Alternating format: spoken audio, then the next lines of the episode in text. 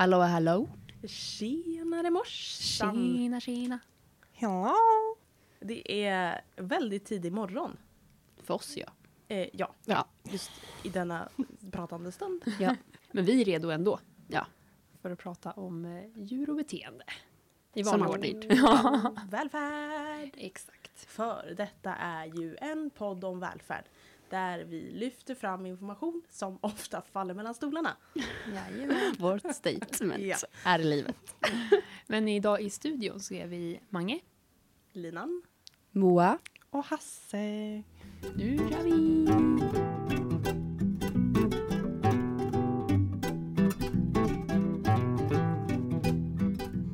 Dagens avsnitt så tänkte vi ju faktiskt ta upp lite olika scenarios och bara diskutera lite fritt fram och tillbaka vad vi tänker och tycker. Kommer bli lite häst och lite hund och Ja, lite smått och gott. Så. lite smått och gott. Smart och gott. Gott och blandat. Gott och Ja. blandat påse. Nu kör vi! Jag ska ha barn. Och jag har hund. Vad tänker ni? Jag ska inte ha barn. Eh, Alltså min chock. Ja, alltså så i podden väljer vi att lägga fram det så. vad tänker ni då? Man Hund och barn. Ja. Exakt. Man har hund sen eh, tidigare då. Och sen så kommer ett litet barn. Jag tror att det är viktigt att eh, tänka efter noggrant innan. Och Mm. kanske fundera över olika scenarios på hur hunden kan reagera. För jag tror att många tänker att så länge man bara gör processen långsam, att eh, visa upp det nya barnet för hunden och att, liksom, att man gör det på ett fint sätt och att, ja, alltihopa, så tänker många att det bara löser sig. Men Mm. jag tror att man ska ändå kanske tänka ut olika scenarios för att vara lite förberedd ifall att det inte går precis som man har tänkt sig. Mm. Det tänker jag i alla fall. Bara spontant. Första. Mm. Mm, verkligen. Alltså så är det ju. Och jag tänker oavsett vad man har för hund. En, man kan ju uppleva att man har världens snällaste hund. Och sen så kommer ett litet barn och sen så blir, blir det många beteenden som man inte har sett innan kommer fram. På grund av att det ju är en ny miljö. Mm. Så verkligen att man eh, ju säkert gynnas av att tänka igenom många olika scenarion innan. Mm. Ja, för man får ju tänka att även om den funkar bra med människor och kanske äldre barn så yngre barn är ju ännu mer oförutsägbara. Ja. Mm. Och jag tänker att det också kan bli en stor skillnad där från det att det kan vara en sak när det bara är en liten bebis som inte rör, rör sig någonstans utan liksom bara bärs runt och så vidare och sen så börjar den helt plötsligt vara på golvet och ska krypa och ska börja gå och Och så Hela krypa över och på Mm. runt och ta bollar. Och... Mm. Och deras fingrar bara nyper fast i, alltså, Mm. mm. Mm. i hundens hår eller någonting. Alltså, Mm. Det är mycket som kan ske. Mm. Så jag tror att det är viktigt att eh, tänka igenom noggrant innan. Och kanske om man har folk i sin närhet att höra lite hur det har gått för dem. För jag tror att det kan vara ett litet skimmer över att Åh, vi ska bli så mysig familj och vi ska umgås och hunden kommer älska barnet och de kommer bli bästa kompisar för att barnet kommer att växa upp med hunden och, Mm. och hela den biten. Men det är ju väldigt viktigt att veta att barn, det tar ju ganska lång tid för ett barn att lära sig gränser. Och det är Mm. inte hundens jobb att sätta de här gränserna. Det är viktigt. Det är Verkligen. de vuxnas roll att visa, eller att se till att de gränserna finns och att hunden hela tiden får komma undan ifall Mm. den behöver eller vad det nu kan Mm. vara. Verkligen. Det är ju inte hundens eh, ansvar att säga till själv. Mm. Och det är ju då det också går väldigt illa. När det är hunden som säger till. Mm. För det brukar kunna eskalera ganska snabbt ju. Mm. För det är ganska vanligt har jag upplevt att många tycker att det är hundens egna ansvar att säga till om någon går för, eller om, en, om ett barn går för långt. Men Ja, jag, jag läste faktiskt det känns jättefarligt faktiskt. Ja, alltså jag läste en tråd på Facebook. Men det var ju en, en hundgrupp där det var en person som eh, bad om råd med, för sin hund och eh, barnen för den tyckte att det liksom började bli lite ohållbart. Att hunden, att barnen var lite för på hunden och att hunden var så duktig och sa till men att barnen inte lyssnade så väl. Mm. Och att hon började tycka att liksom vad ska jag göra för det här har pågått ett tag nu. Stäng in barnen bara. Ja. Mm. Och låt hunden vara Vad ute. tänker du Hasse? Du ser ut att tänka någonting. Alltså, jag tänker, eh, säg till dina barn. Mm. Hunden ska inte behöva komma till den gränsen att den behöver säga till barnen. Och om den säger till fint, absolut. Men sen kommer det en, liksom, en situation där hunden har fått nog. Mm. Och då är det inte jättekonstigt om hunden säger till lite hårdare. Och då kommer det bli liksom kalabalik. Och För då att Är det ju hundens fel då också. är det hundens fel. Och då, kan de, alltså, då måste hunden avlivas för att den har bitit ett barn.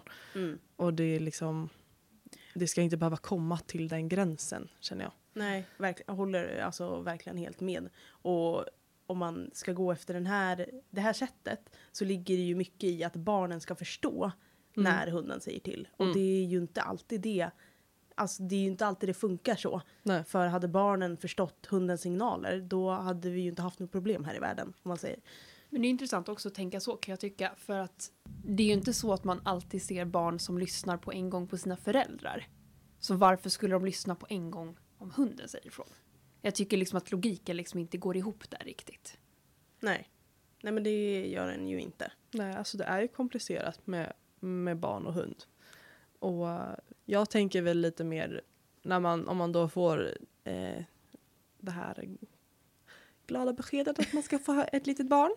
Då kanske man redan då kan börja jag vet inte, hitta ett ställe för hunden, typ en bädd eller eh, så, där hunden verkligen, där man kan visa att det här får du vara ensam. Mm. Och sen kanske man när barnet då kommer och det liksom ja, kryper runt massor, då kanske man kan ställa upp ett litet galler där då. Mm. Så att hunden faktiskt får vara, komma undan och vara själv. Mm. Så att det inte behöver komma till den gränsen att hunden behöver säga till. Mm.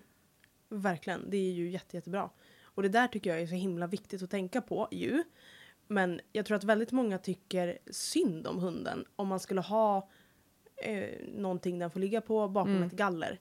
För jag tror att många upplever det som att ja, men då får ju inte hunden vara med.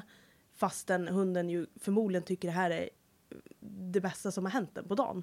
För att den får komma undan och faktiskt kunna slappna av. Mm. För att den vet att barnet kommer inte komma eh, dit. Mm. Ja men lite att nu händer inget mer. Mm. Nu ska jag Precis. vara här och nu kan jag få liksom slappna av. Mm. Men det är då i förutsättning att hunden ju uppskattar det här och Ja, såklart. Mm. Och det är ju en invändningsprocess Precis. innan barnet kommer eller Precis. innan situationen händer. Det är ju därför det är så viktigt att börja Mm. i tid Mm. och visa hunden att här kan du vara i lugn och ro. Och sen kan man applicera det när barnet då kommer och börjar gå och rulla och jag vet inte vad. Mm. Nej, men jag tänker att liksom, för jag tycker att det är en väldigt fin grej också att tänka att barnet och husdjuret ska ha liksom en fin relation. Mm. Men för att de ska ha det så måste man ju vara otroligt tydlig med gränser. För att annars så blir det ju inget bra, tänker jag. Nej. Och jag upplever väl, nu har ju inte jag egna barn och jag ska inte ha för den delen heller.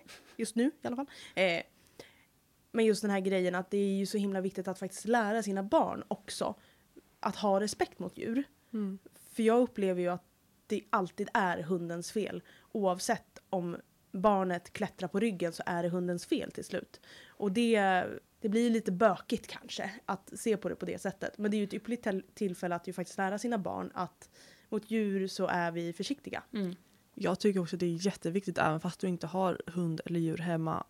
Lär ditt barn Mm. ändå. Mm. Mm. Man ska ha respekt för alla djur och Mm. det är liksom ja, Mm. Det är otroligt Verkligen. viktigt. det är så mycket barn när man är ute med, med hunden på promenad som liksom ställer sig i en position mot hunden och liksom skäller mot hunden Mm. och förväntar sig att den bara ska gå förbi. Mm. Men det är, alltså, nu är det många hundar som faktiskt gör det. Mm. Men alltså, det är inte så konstigt om en hund reagerar. Verkligen. Och det är, var faktiskt med om en sån situation igår. När det var liksom ett gäng dagisbarn som kom spri- springandes och skrikandes i en park där det går jättemycket hundar. Och de här dagisbarna tänkte ju inte på hundarna såklart. Nej. De har väl inte fått lära sig det. Men då kom det liksom en hel klunga springandes liksom mot när jag var ute med Kenzie då. Eh, och den här grejen skulle ju kunna vara så traumatiserande för vilken hund som helst. Alltså en stor bara klunga med barn kommer, att springa, alltså kommer springandes mot en hund. Alltså ingen hund förstår ju att det inte är riktat mot den liksom. Ja, alltså jag tänker ju absolut det. Alltså, för det är ju, vissa hundar är ju liksom känsligare än andra. Och har man en hund som kanske tycker att det är många hundar som är väldigt känsliga mot barn. För att barn har ju ett annat kropps, eh, andra kroppsrör, alltså de rör sig på ett annat sätt. Eh, de är lite mer oförutsägbara skulle jag säga för en hund att läsa jämfört med en vuxen. Mm. Och eh, tittar man på omplaceringar och sånt så är det ju väldigt vanligt kan jag uppleva att folk omplacerar för att det inte funkar med barn. Det blir ju väldigt jobbigt då när man är kanske i en sån situation att man är ute och att det dyker upp barn som inte beter sig på då rätt sätt enligt hunden och att det väldigt lätt blir någonting traumatiskt för hunden. Sen vet jag inte i vilken utsträckning man kan, som i din situation, det är ju lätt som hundägare som går förbi och tänker att ah, men, kan inte barnen vara lite lugnare i parken? Men Mm. de är ju dock där och leker. Sen Mm. tänker jag att det är väl mer viktigt att fokusera på om man hamnar i en liksom, nära interaktion med en hund. Mm. Hur man ska bete sig, hur man ska klappa, man ska inte dra i svansen. Man ska inte skrika i hundens öra. Li- Lite mer så tänker jag att man faktiskt kan jobba. För det är ju svårt om barn är uppe i sin lek. Det är Mm. inte så att de tittar runt och bara oj det är en hund, jag måste vara lite tyst. Mm. Mm. Nej, Men- verkligen. Så är det ju. Och det, vi, och det visar ju på komplexiteten i Mm. det hela. Och hur bökigt det kan vara ju. Mm. Eh, när det kommer till barn och hund. Hur Mm. man ska lösa situationer. Verkligen. Ja, oh så ja. är det ju. Ja, och sen på tal om något annat så vill jag också bara uppmana att inte gå på den här liksom bilden av att hundar... Ofta när man är inne på typ Instagram eller TikTok eller så, så ser man ofta klipp som folk lägger ut på ah, min hund är så duktig med barnen, älskar barn och så är det något barn som klättrar på hunden. Mm. Att liksom inte gå på den. För att det där kan funka ett litet tag. Så länge hunden liksom på något sätt fortfarande accepterar det. Men det är så lätt att det är liksom Men det är ofta man ser i sådana videos att hundarna ju faktiskt är uppenbart ganska De är ju obekväma. Exakt. Men Mm. jag Men att det ju... tekniskt sett då funkar för att hunden inte gör någonting. Och Mm. att man då tycker att hunden tycker att det är mysigt bara för att den inte gör någonting. Bara för att den inte går därifrån eller bara för att den inte morrar så tycker den att det är mysigt. Nej, Det finns mm, säkert hundar som tycker det också. Men de flesta som man ser på de här videorna tycker verkligen inte att det är mysigt. Mm. Verkligen. Och då är det ju också så himla viktigt att generellt bara att ha koll på olika signaler som hunden ju ger. Även fast det inte är grava signaler så som att morra, bita eller skälla eller vad som helst. Utan de mindre signalerna för att kunna undvika att någonting händer. Jätteviktigt att lära sig. Det är Mm. så hunden säger till först innan den börjar Mm. morra och bita. Och det gäller att respektera hundens känslor när den visar det minsta lilla beteendet. Mm. Mungiprickning, ögonvita, ja, Mm. sådana saker. Just ögonvita är ju jätteviktigt. Mm. För det är ju nog en signal som väldigt få har koll på. Som, men som ju kan ge en ganska mycket information Mm. om en situation. Mm. Och med det här så, ja, det kanske låter lite negativt nu ju. Men det är ju egentligen inte tanken på det sättet. För att det som egentligen är det viktiga här är ju att bara kunna samleva på ett bra sätt med barn och djur. Eller barn och hund. Ja, alltså jag har träffat på hela spektrat. Jag har träffat på hundar som hatar barn och jag har träffat på hundar som älskar barn. Mm. Som blir alldeles lyriska så fort de träffar ett barn. Och det är ju där man vill vara. Att Mm. de ska tycka att det är så trevligt. Och då är det viktigt att sätta upp ordentliga gränser så att hunden har möjlighet att ta sig undan i alla situationer. Att inte lämna barn och djur helt utan uppsikt kan jag tycka. Men det ska man ju aldrig göra. Nej. Lämna barn och djur utan uppsikt. Men det Nej. tror jag att många kanske gör. Det tror jag också. Eh, Speciellt när de kommer upp i åldern 5, 6, 7. Mm. Mm. Då kan det vara, tänker de att men, de kan gå ut och leka i trädgården. Mm. Mm. Oftast funkar det. Mm. Men, ja. Ja, sen det här kommer dagen. men exakt, det kan ju gå lite fort. Så att jag tänker att, ja, att ta det säkra för det osäkra. För att ändå säkerställa att alla i familjen har fina relationer. Mm. Så kontentan av eh, det här är ju att håll koll på signaler Mm. och låt inte hunden säga till själv utan det är ditt ansvar som förälder. Jag vet inte om vi har pratat om det här tidigare kanske. Men eh, resursförsvar. Mm. Mm. Just det. Och att det faktiskt kan vara okej till en viss gräns. Mm. Att, Mm. För jag, min hund tycker väldigt mycket om sin mat och eh, tycker inte riktigt om när När man går nära eller? Eh, hon bryr sig inte om när jag går nära. Nej. Men eh, typ när jag har jag spenderade väldigt mycket tid hos eh, en av mina vänner eh, i somras eh, Mm. som också har två hundar. Mm. Eh, och då blev hon högst upprörd när de tittar på henne när hon äter. Mm. Mm. Eh, Hundarna, inte människan. nej, hundarna. Mm. Mm. Eh, så. Eller inte titta, ja jo. Ja, hon blev, eller inte högst upprörd. Man såg att hon liksom visade tecken på att ja, men nu vill jag faktiskt äta min mat i fred. Mm. Mm. Eh, lyfte lite på läppen och tittade lite åt sidan med sina ögonvitor. Så det, det är ju inte stora. Det var ju inte så att hon liksom vände sig om och gjorde värsta utfallen. Utan, men hon visade tydligt att jag tycker inte att det här är okej. Mm. Vad känner ni med en sån situation? Jag tänker att det är jätteviktigt att visa respekt mot hunden som uttrycker att det här känns obekvämt. Ja. Istället för att den som faktiskt uttrycker sig ska bli eh, tillsagd eller korrigerad eller tillrättavisad på något sätt. För det är ju väldigt naturligt med resursförsvar. Speciellt vid mat. Mm, verkligen. Så jag tänker att det är en helt naturlig reaktion på en sån här situation. Och jag tänker också att det är en ganska lätt grej att, liksom precis som du sa, att, att det, det här kanske inte är någonting som man behöver fokusera på att träna bort. Nej. För att liksom de äter ju ändå vid, alltså när man bestämmer att ah, men nu är det dags att äta och det brukar ju ofta, de äter ju ganska snabbt, Mm. så är det klart. Och jag tänker att då kan man ju lika gärna välja att ge dem mat på ett ställe där de får vara i fred. Det är ju ganska lätt liksom åtgärdat och jag tror att genom att göra så så blir det ganska förutsägbart för hunden att den får vara i fred och att den får äta sin mat i lugn och ro.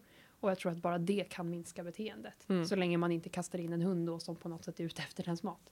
Ja. Sen i framtiden. Men att det, ja.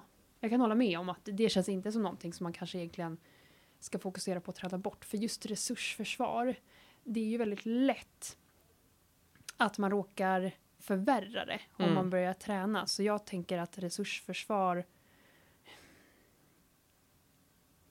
nu är det såklart, man måste alltid ta det för, liksom, man måste anpassa efter individ och case för case. Men jag tänker att så länge man inte ser andra problembeteenden utöver det med resursförsvar så tänker jag att man kan ignorera det och bara se till att hunden får äta i fred.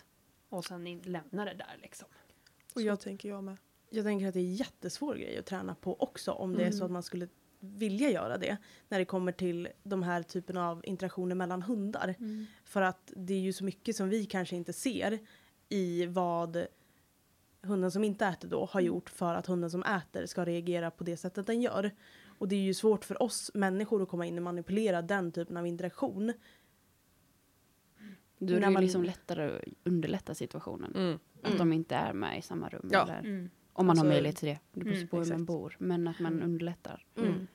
Ja, för jag tänker också att om man på något sätt börjar, nu bor ju inte ni ihop vanligtvis, Nej. men om man tänker att ni hade Mm. gjort det, då tänker jag att det kan ju bli lite problematiskt också ifall det är så att man faktiskt väljer att träna på det här på något sätt Mm. och att man märker att beteendet minskar, att, hund, att den hunden då som reagerar, reagerar mindre.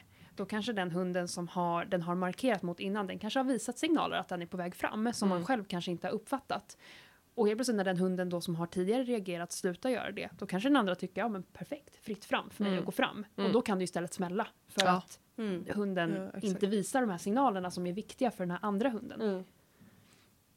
Så att jag tror verkligen att har man eh, fler hundar och så och man märker att de eh, lite ja, reagerar på varandra, att de kanske får äta i, ifrån varandra. Mm. För så är det ju vi när vi hade en eh, omplacering för ett tag sedan eh, med min hund då. Eh, och hon har ju resursförsvar när hon äter. Eh, men vi gjorde så att först fick de äta i separata rum.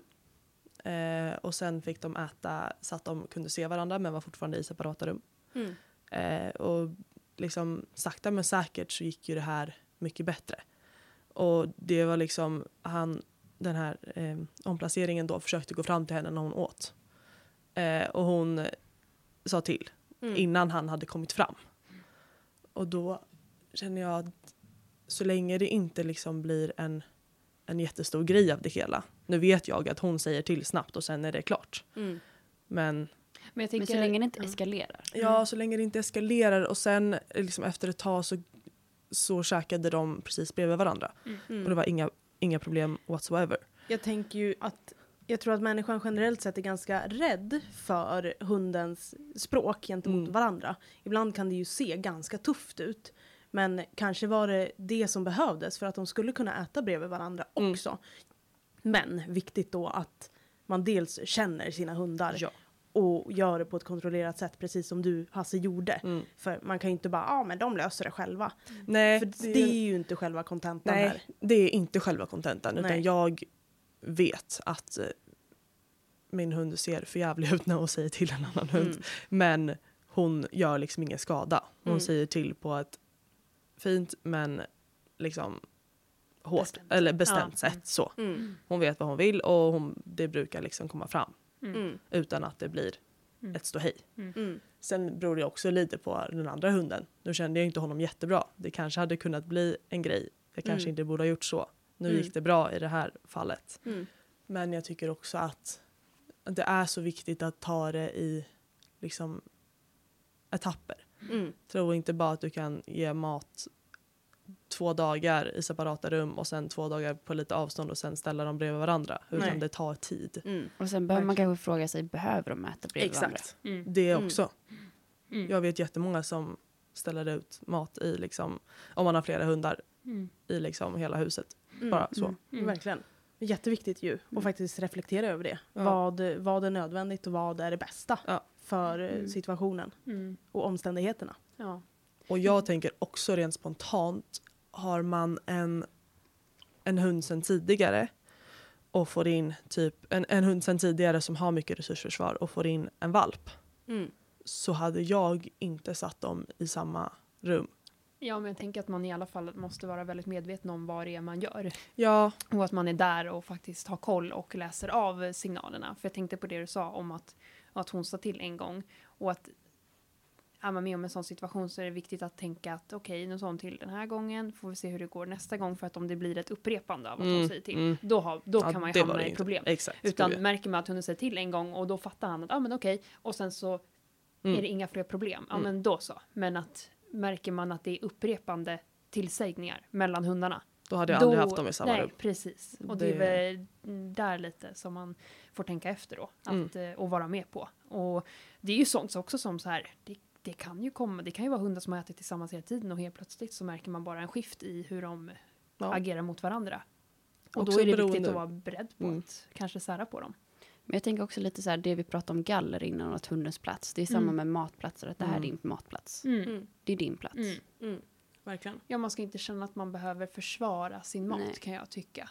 Det är ju inte trevligt. Nej. Jag hade inte heller tyckt att det var Tänk trevligt ha om jag stress, nu ger man oftast hundar två gånger om dagen, men alltså stressen då två gånger om dagen att ja, jag kanske får ha den själv eller inte. Alltså Mm. Mm. onödigt. Mm. Ja, verkligen. För det här blir ju då en stress dels innan att Mm. det byggs upp att man väntar på det här tillfället.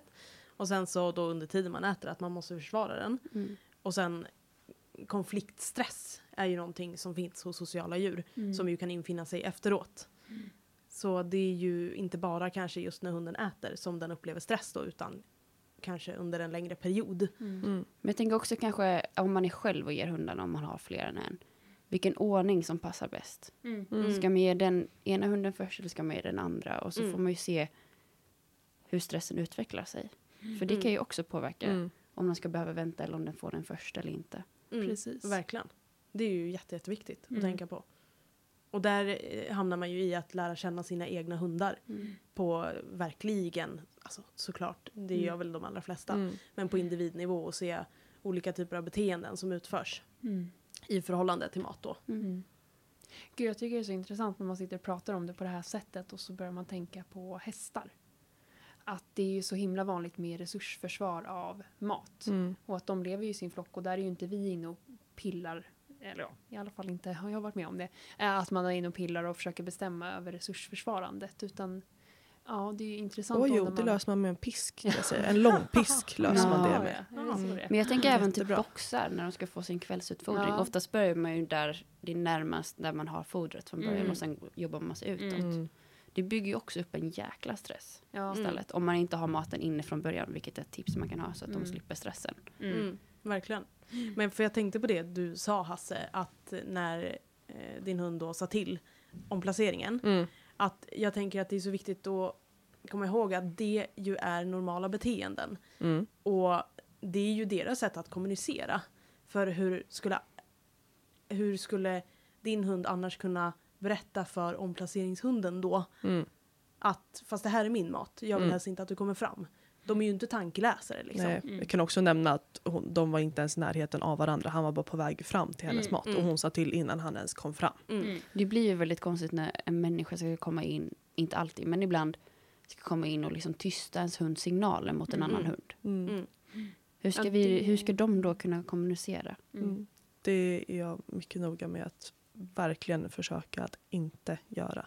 Mm. Jag vill inte tysta hennes. Sen så i vissa situationer absolut, Absolut. behövs det komma in en mänsklig Mm. faktor. Mm. Oh ja. Men i sådana små signaler. Mm. Mm. Men det är det som gör, alltså det, balansgången är ju så himla hårfin där. För man kan ju inte bara släppa ihop hundar och tänka att de löser det där själva. Mm. Jag kommer inte lägga mig i.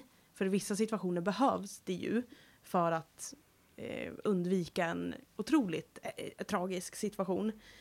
Å andra sidan så måste det finnas utrymme för hundarna att uttrycka sig. Mm. Mm. Så man kan ju, det, är inget, det är ju inte svart eller vitt. Man kan ju Nej. inte göra det ena och utesluta det andra. Mm. Utan det man måste ju ja. balansera däremellan på Mm. ett bra sätt då. Och det är det som gör det så svårt också på något sätt att liksom instruera eller berätta för andra eller försöka att Mm. lära ut till andra. Att det är ju verkligen det är så mycket som det bygger på. Det är Mm. stämning, det är signaler, det är situation, det är vad som har Värde hänt på innan, maten. det är värde på Mm. maten. Alltså det är så mycket som, och tidigare erfarenhet, alltså det är så mycket grejer som liksom kommer ihop till då liksom den här lilla, lilla kärnan. Av liksom, och där då vi ser till exempel resursförsvar av mat. Mm. Liksom. Det är så mycket som leder fram till det. Och det är... Man behöver ändå ganska mycket kunskap kan jag tycka för att lösa en sån situation på ett bra sätt. Mm. Och jag upplever att det ju är ganska svårt som utomstående att ha en lösning på ett sånt här problem. Verkligen. För att mycket ligger i relationen man har till de djuren eller de hundarna som finns i hemmet. Precis som du Hasse då har en bra relation till Lumen. Och Men förstår- relationen mellan djuren, tänker jag. Mm, verkligen, verkligen. Eh, men att du ju vet hur hon fungerar Mm. för att ni känner varandra. Mm. Ja, så den här relationen mellan min hund och omplaceringen ledde ju till att han kunde gå och ta saker ur hennes mun. Och det kanske var den kommunikationen som hände, som Ja. behövdes Mm. för att de skulle kunna landa där också. Mm. Det, det- ja. Väldigt intressant ju faktiskt när man diskuterar så här. Att man ju verkligen, det är ju verkligen som sagt en balansgång. Mm. Tänk då när mina föräldrar hade sex hundar. Ja jäklar Åh, du- vilken process. Det är en process. Ja. Ja. Men mina föräldrar har alltid gjort så att innan, nu Mm. har de flyttat in i köket, men innan hade de det på altanen så fick de alltid ett varsitt hörn. Så Mm. visste de att det här är min plats. Mm. Så när vi Jättebra. börjar hämta mat så. Mm. så vet de det. Mm. Mm. Dock nu så följer de med ner till källaren och hämtar mat. Men nu är de ju också bara tre. ja, Ja. Eller två. När Thea är Ja. hos dig. men, men Men det är ju faktiskt väl, det, sku, det är ju faktiskt en lösning som ju kan lösa många problem. mm. Att man alltid har samma plats bara. Mm. Utan Mm. att egentligen skilja dem isär. Utan Mm. att alltså, hunden förstår ju att det här är min plats. Mm. Då är det lugnt liksom. Och det har vi ju fortfarande idag fast jag har flyttat i köket. Så Mm. nu har de sina hörn Mm. liksom. Där får ni din mat och där Mm. ska du. De Mm. går typ nästan dit. Mm. Mm. Ja det är ju skitsmart. Mm. Verkligen.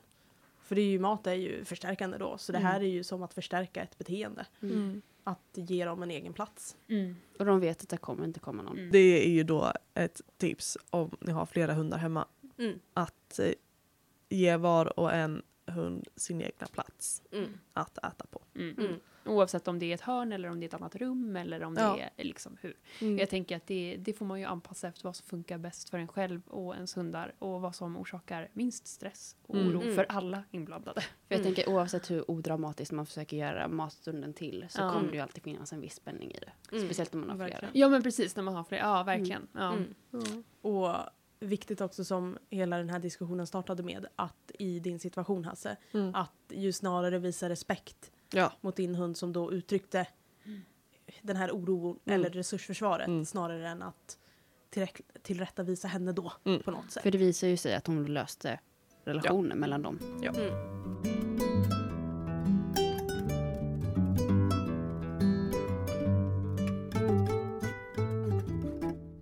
Vallande hästar gänget. Ja, nej. Mm. Som oftast tolkas som eh, lek. Ja, just det. Mm. Ja, ja, alltså jag har ju förstått att det gör det nu. Ja. För mig var det, för vi har pratat lite om det här utanför podden också. Ja. för mig var det, när du sa det, Mm. Moa, var det ganska främmande. Att Aha, det ju mm. ses som lek. Men jag tänker att sättet. det ses nog som lek. Eh, för att det ofta ser det ju ut som att eh, det är en häst som springer och den de andra hästen springer varandra. efter. Ja, att de Mm, ja, jagar varandra. Och sen Mm. så Ja, försöker stannar de lite. Få igång varandra Ja, lite. det ser ut som att, eller den ena försöker få igång den andra kanske Mm. oftast det brukar vara om det är så. Eller tvärtom, att Mm, båda försöker. det. Men Ja, men just det. Ja, det makes ju Mm. sense. Det gör det att en verkligen. försöker få igång flocken eller Mm. just en individ. Lite hackkycklingsaktigt. Mm. Jag tänker rent spontant att det här är ett beteende som ju sällan förekommer ute i det vilda. I Mm. naturliga hästflockar. För jag tänker att det är energislösande. Mycket. Det finns liksom egentligen inget syfte med det alls. Alltså varför ska man valla en annan individ i samma flock? Mm. När man kan stå och käka mat. Mm. Sen så visst absolut att det sker lek i frilevande flockar också. Mm. Men inte av den här typen skulle jag nog inte påstå. Nej, jag tänker att det här kanske nog ju som sagt inte då är lek överhuvudtaget. Kanske kan finnas någonting i det. Men vad vet vi om att valla? Liksom? Vallning? Vad Nej. liksom... Eh, Det känns ju ganska onaturligt för en, ett flyktdjur på det viset att valla Mm. sina egna. mm. Mm. Även om det kanske finns någon tanke att det ska hålla ihop flocken så tror jag inte det ligger i det här syftet. Jag tänk, nej, precis. Jag tänker att det, vallning är ju ett beteende. Och det finns ju säkert ute i det vilda. Men kanske inte på det sättet att en individ jagar omkring på en annan. Utan då är det ju snarare ett vallningsbeteende i det att ju faktiskt samla ihop flocken. Mm. Om flocken är för utspridd eller om det kanske eh, vankas fara på något sätt. Att, Eller om flocken ska förflytta sig och Mm. att någon blir kvar. Mm, Mm. att man vallar ihop flocken. Mm. Men att en jagar den andra. Men hur mycket känns- finns det i det vilda? Jag Nej. har liksom inte så mycket koll på det här. Det är lite det väl vi funderar på. Ja, Vad tänker du? Hur mycket vallning sker i det vilda? Alltså jag... Jag skulle nog säga att det är ett av de beteenden som utförs ganska lite i förhållande Mm. till andra Ja, beteenden det i det vilda. skulle jag nog också Just på grund av energislösandet Mm. skulle jag nog ändå påstå. Men också att det inte riktigt, alltså man tittar i alla fall på en, alltså med våra domesticerade hästar i en flock så, att det, det känner ju inget riktigt syfte. Det finns ju inget direkt syfte som går att se Nej. eh, utifrån att en häst vallar en annan. Särskilt då i extremfall där de bara vallar och vallar och vallar och vallar och ingenting, det liksom händer ingenting utöver att de bara går runt och flyttar på en annan individ. Ja. Alltså i de situationerna jag har sett vallning, i de flockarna som mina hästar stått i. Alltså det, de blir ju sönderbitna liksom. Mm. Mm. De vallar och biter och vallar och biter och Mm. biter och biter och biter. Och det här är ju liksom, det, när det är i den utsträckningen så är ju det är ju onormala beteenden. Ja, alltså jag ser det bara som onormalt. I och med Mm. att, alltså, nu vet jag inte hur det ser ut om de bara vallar utan att bita. Men alltså det här är verkligen, de vallar ihop hästarna och biter liksom hål. Mm. Drar sönder täcken, biter hål på hästarna och det är så här. Det är ju inte så jättenormalt i den utsträckningen så. Nej, det Nej. känns väldigt eh, dumt i en flock. För att det, i en flock är det viktigt med goda sociala relationer Ja, för överlevnadens verkligen. skull. Så att gå runt och valla och tugga på en annan häst på det Mm. sättet, det känns ju väldigt eh, dåligt för flockens sociala struktur. Det är ju väldigt konfliktskapande, Ja. är det ju. Mm. Och jag tänker att mycket kan ju bero på våra domesticerade hästar då. Att vi ju skiljer dem från mamman i sån otroligt tidig ålder. Mm. Alltså skrämmande tidig ålder. Är det ju väldigt vanligt att man eh, separerar föl och sto. Och man Vi- tänker inte på konsekvenserna. Verkligen inte alls.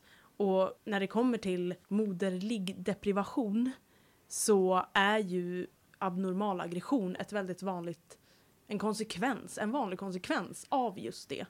Och jag tänker att vallning ju skulle kunna vara ett sånt beteende som Mm. härstammar ifrån den grejen. Mm. För hos hästar är det ju vanligt, eller hos hästar är det ju övervägande social inlärning och sociala koder som sker från mamman. Mm. Och man har inte lärt sig mycket på sex månader.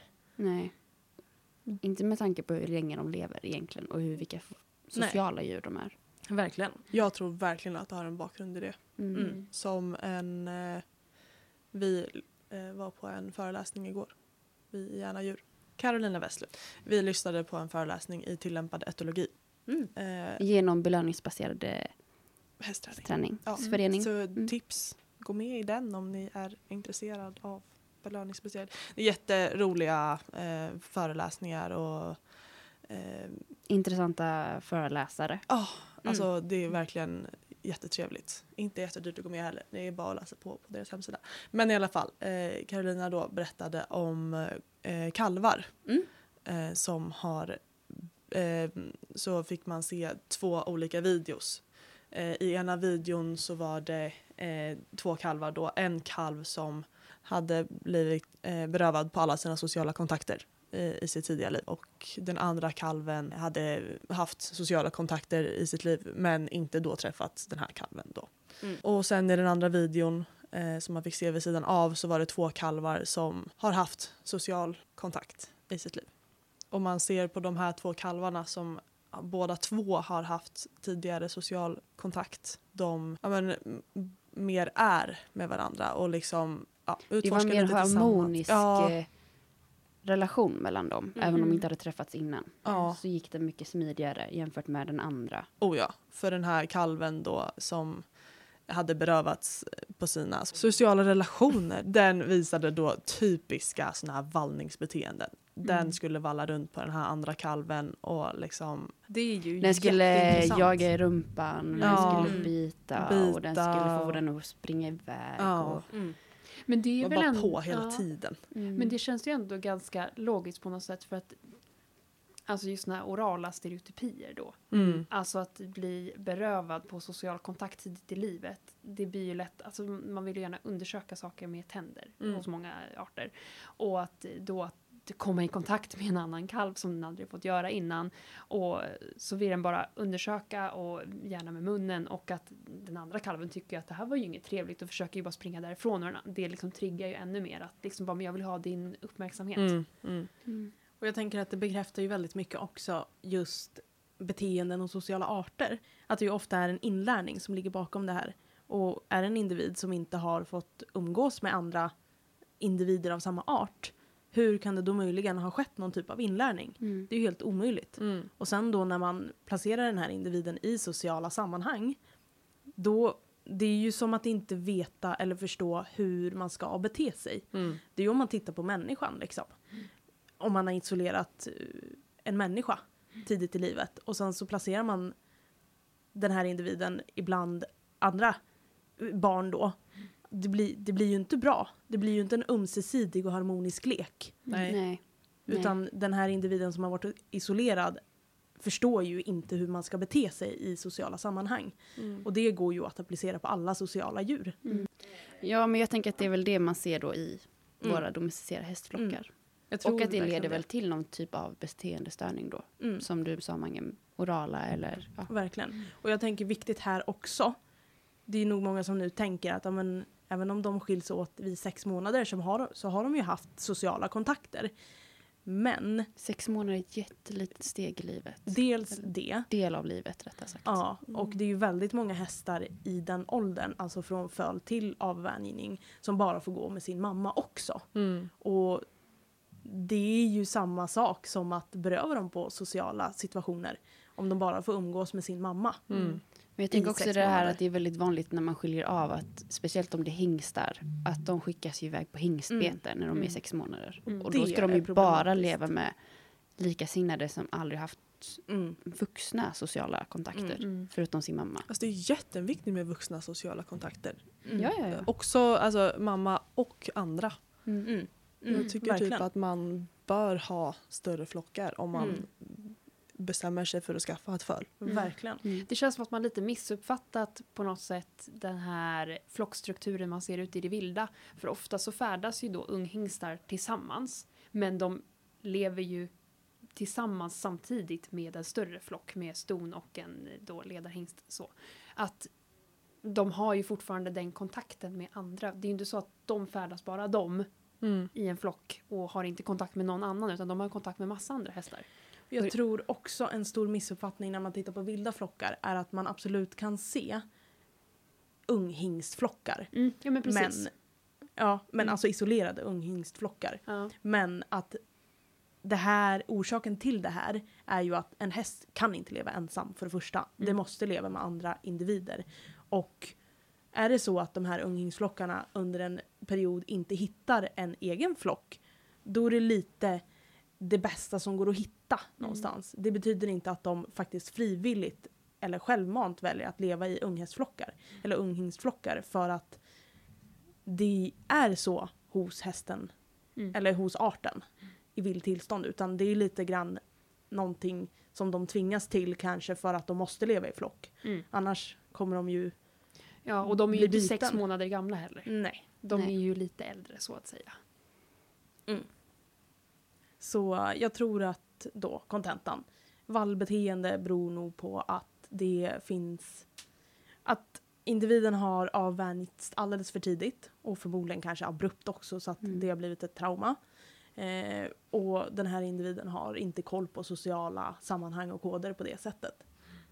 Har inte hängt med äldre sociala hästar som Mm. kan visa koder och hur man faktiskt beter sig. Mm. Sen kan det ju bero på mycket annat också. Mm. Att hästen Gud, inte mår bra i sig själv. Precis. Eh, Men jag, tänk, jag personligen, nu spånar jag bara, men Mm. jag tänker att ett sånt vallbeteende där hästen bara vallar och inte biter, då kan det ha mer med att man blir separerad från mamman tidigare. Men om man också biter så Mm. tror jag inte att hästen, nu kan det ju också bero på att man har blivit bra från mamman, men att eh, om hästen biter att det ligger så mycket mer i grund för Mm. att hästen faktiskt också ska börja bita och Mm. eh, liksom skada andra individer i flocken Mm. bara för sin egen Mm. Mm. så vinning. För det är ju inte evolutionellt, äh, evolutionellt, evolutionärt liksom positivt att Mm. man ska skada andra i sin flock eller ta ut Nej. sin energi på så vis att man bara ska gå runt och valla. Mm. Det känns Nej, ja. skitdumt rent ut sagt. Ja. Alltså Ja. jätte, inte alls effektivt. Ja, och jag, har, jag tycker ju inte om att använda ordet naturligt, för jag tycker att det är, men där om något tycker jag att det är ett onaturligt beteende. Ja. Att skada Mm. andra Mm. i flocken när det är en social art. Mm. Det Ja. är, ja. Verkligen. Och när, man kommer, när just aggression blir en del av det och när det kommer till att just bita. Nu, är det ju ganska, nu finns det ganska lite forskning när det kommer till abnormal aggression. Men det är ju ett tecken på abnormal aggression att man utför aggressiva beteenden på ett sätt som missgynnar evolutionens mekanismer om man säger. Och det är ju precis vad som händer i situationen då. Jag tror också mycket att det ligger i relationen, man, alltså som människa, att man har till sin häst. Och det pratade vi om i något annat avsnitt. Att just hästens relation till människan påverkar ju hästens värld väldigt mycket. Mm. Alltså jag menar, en dålig relation till sin ägare kan ju göra hästen väldigt, väldigt stressad. Men det kan ju också, vi har ju sett tester där de är positiva eller optimistiska eller pessimistiska. Och jag tänker Mm. att det är väl också lite i grunden i det hela. verkligen. Mm. Oh, ja. Som bygger upp hur de beter sig i hagen sen. Verkligen. Vilket någonstans vi människor påverkar. Mm. Mm. Jag tänker för att möjligen kunna lösa ett sånt här problem tänker jag att man verkligen måste granska och reflektera och optimera miljön för individen. Mm. Och det kan ju vara olika för alla individer vad som Mm. är optimalt. Men jag tror att man verkligen måste komma på vad det är. Den optimala vardagen helt Mm. enkelt. Jag tror att om man har en häst som står på box på nätterna och som visar upp det här beteendet så kan det vara en bra grej att överväga om hästen kanske behöver stå på lösdrift istället. Mm. Eh, I vissa fall, absolut inte alla, så tror jag att det kan vara en liten del av en liksom, lösning på problemet. Mm. Men det är ju inte så konstig lösning egentligen. Ja, alltså jag tänker det rent spontant. Bara Verkligen. inga belägg whatsoever men eh, Ja, fritt spånande här. Men Ja. jag tänker också det, för att jag menar, även om hästarna stallas upp på kvällen och står i samma stall, så flocken blir fortfarande på något sätt åtskild. mm, För att jag menar, särskilt om det är ett stort stall. mm, Man kan ju stå jättelångt ifrån varandra som flockmedlemmar. ja. Man kanske inte Alltså, står i samma Det stall. kanske man inte heller Mm. gör. Ehm, så att jag tänker att man minskar ju på den stressen också. Mm, mm. För det är ju det är ju mycket sådär att jag tror att många tänker att hästarna vill ju in för att de står vid grinden och vill in på kvällen när de kommer. Men det är också ofta för att de vet att de kommer in Mm. till mat. Liksom. Mm. Så när man går och åker därifrån. Det är ju lite rutindjur Det är vi har att göra med. Så att säga lite grann. Så att jag tänker att man kanske inte kan luras av det. Det betyder inte att de faktiskt egentligen vill komma in och stå inne. Typ så att de vill komma in och ha sin mat och sen Ja. komma ut igen. Ja, men kanske det. Eh, så att, eh, ja, det hade ju varit spännande att se en studie på det. Ja, Med hästar som vallar om man hade kunnat... Kandidatarbete. Ja, Ja, oh, kul. och se om det hade kunnat hjälpa att sätta dem på en eh, lösdrift. Och Mm. eh, ja, mm, spännande att se. Mm, verkligen. Så om någon där ute funderar på det, gör det. Gör det. Men sådär då hörni. Vallningar, barn och eh, mat. Ja, Ja. ganska Lite smått och gott. Vanliga grejer i vårt samhälle. Mm. Modersbedrövan och eh, resursförsvar. Ja. Mm. Mm. Och det här var ju då som sagt bara ett avsnitt där vi diskuterar. Och det vi har sagt är det vi tänker. Exakt. Det är det vi inte tänker. Nej. Så inget vi har sagt, sagt idag stämmer. Nej men vi har ju bara spånat lite. Ja, Mm. Så. precis. Men om ni vill komma i kontakt med oss. Och Så- gör gärna det. Alltså, vi är jätteintresserade av att höra Alltså om, om ni har något typ case Mm. Mm. som ni skulle vilja att vi diskuterar eller inte ens diskuterar i podden utan bara diskuterar med oss privat. Mm. Mm. Så hör gärna av er. Verkligen. Så kul att lära känna er som lyssnar. Ja. Verkligen. Men om ni vill göra det så kan ni göra det på vår Instagram och där heter vi gärna djur. Eller på vår Facebook, där vi också heter Gärna djur. Eller på mail. garnadjur.hotmail.com Hej då! Ba, ba, ba, Bye ba. bye!